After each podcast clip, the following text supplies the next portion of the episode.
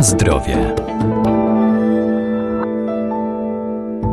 Moda na zdrowy tryb życia spowodowała, że wiele osób zmienia swoje nawyki żywieniowe, wprowadzając diety monoskładnikowe lub takie, które są formą leczenia. Na przykład przechodzi na dietę bezlaktozową, uważając, że będzie zdrowsza. Jednak specjaliści odżywienia i naukowcy przestrzegają.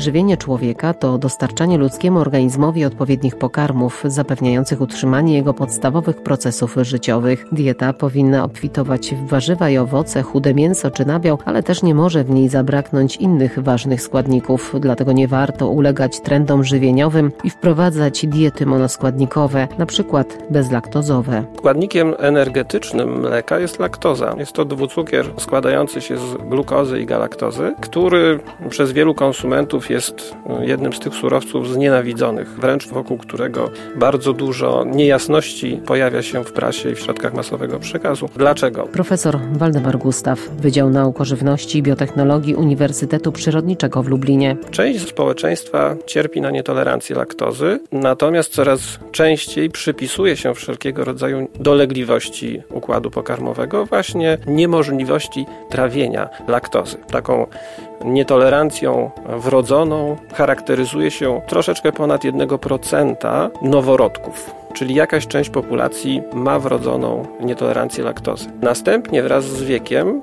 organizm człowieka coraz słabiej zaczyna produkować enzym rozkładający laktozę, popularnie nazywany laktazą, a naukowo znany nam pod nazwą beta-galaktozydazy. Braki w wytwarzaniu tego enzymu powodują pewne niedogodności przy spożyciu mleka.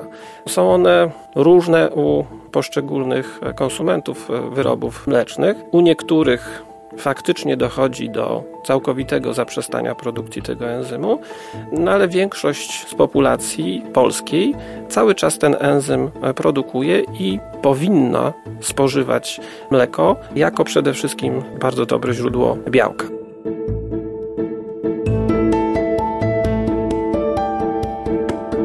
Na zdrowie. Wprowadzanie bez uzasadnienia do diety wyłącznie produktów bezlaktozowych przez osoby bez dysfunkcji lub całkowite wyeliminowanie produktów mlecznych może spowodować samoistną nietolerancję laktozy. Nietolerancja ta postępująca z wiekiem dotyka według różnych badań od 20 do 30% społeczeństwa. Czyli to też nie jest, nie są wszyscy, bo istnieje w przeświadczeniu wielu konsumentów taka opinia, że im jesteśmy starsi, tym nie powinniśmy spożywać mleka, właśnie ze względu na to, że człowiek z wiekiem e, ma coraz większe trudności ze spożywaniem laktozy. To spowodowało, że na rynku nastąpił wysyp produktów bezlaktozowych, e, nawet do tego stopnia, że producenci zaczęli wypuszczać e, sery dojrzewające pod nazwą bez laktozy, co samo w sobie jest sprzeczne z prawidłową technologią produkcji serów, a z tego względu, że sery dojrzewające po procesie dojrzewania nie powinny zawierać już laktozy w swoim składzie. Więc jest to troszeczkę takie wykorzystywanie koniunktury na produkty bezlaktozowe. Co więcej, konsumenci, którzy przestają spożywać produkty mleczne, sami doprowadzają do tego, że nasz organizm nie ma potrzeby wytwarzania dalej tego enzymu, najprawdopodobniej. No i potem możemy wejść w taką, w taką właśnie nietolerancję laktozy w zasadzie na własne życzenie.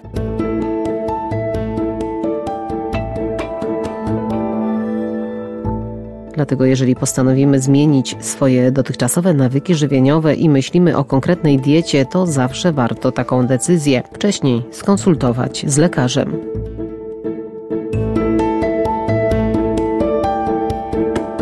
Na zdrowie.